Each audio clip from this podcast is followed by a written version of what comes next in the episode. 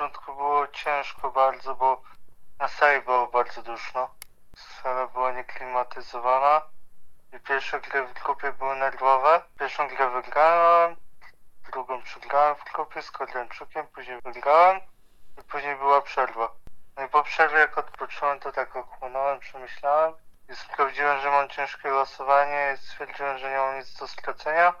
Nastawiłem się i grałem następnego dnia dużo lepiej. Po drodze pokonałeś mistrza świata. Już wcześniej z nim flaszko wygrałem, to bardziej się skupiłem na tym, co mam zagrać. No i mecz finałowy przegrałeś. Dlaczego ten mecz przegrałeś? W sumie myślę, że przez zmęczenie duże. O półfinał miałem długi mecz z Australijczykiem, co trwał 40 minut i ogólnie też przeciwnik zagrał dobry mecz, przytrzymał mnie na stole, ja może zbyt bardzo chciałem